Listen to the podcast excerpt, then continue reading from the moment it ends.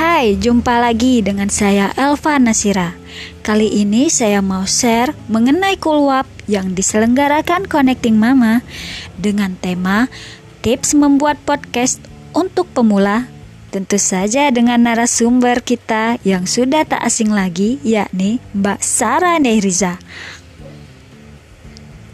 Podcast itu sendiri merupakan sebuah rekaman suara yang tersedia di internet Konten dalam podcast pun sangat beragam. Bisa jurnal personal, politik, sosial, agama, hiburan, dan masih banyak lainnya. Podcaster bebas membuat programnya, sedangkan pendengar bebas memilih kontennya. Nah, buat teman-teman yang mau mendalami lagi mengenai podcast, bisa banget hubungi Mbak Sarah Neriza melalui DM Nairiza. Oke guys, itu aja ya.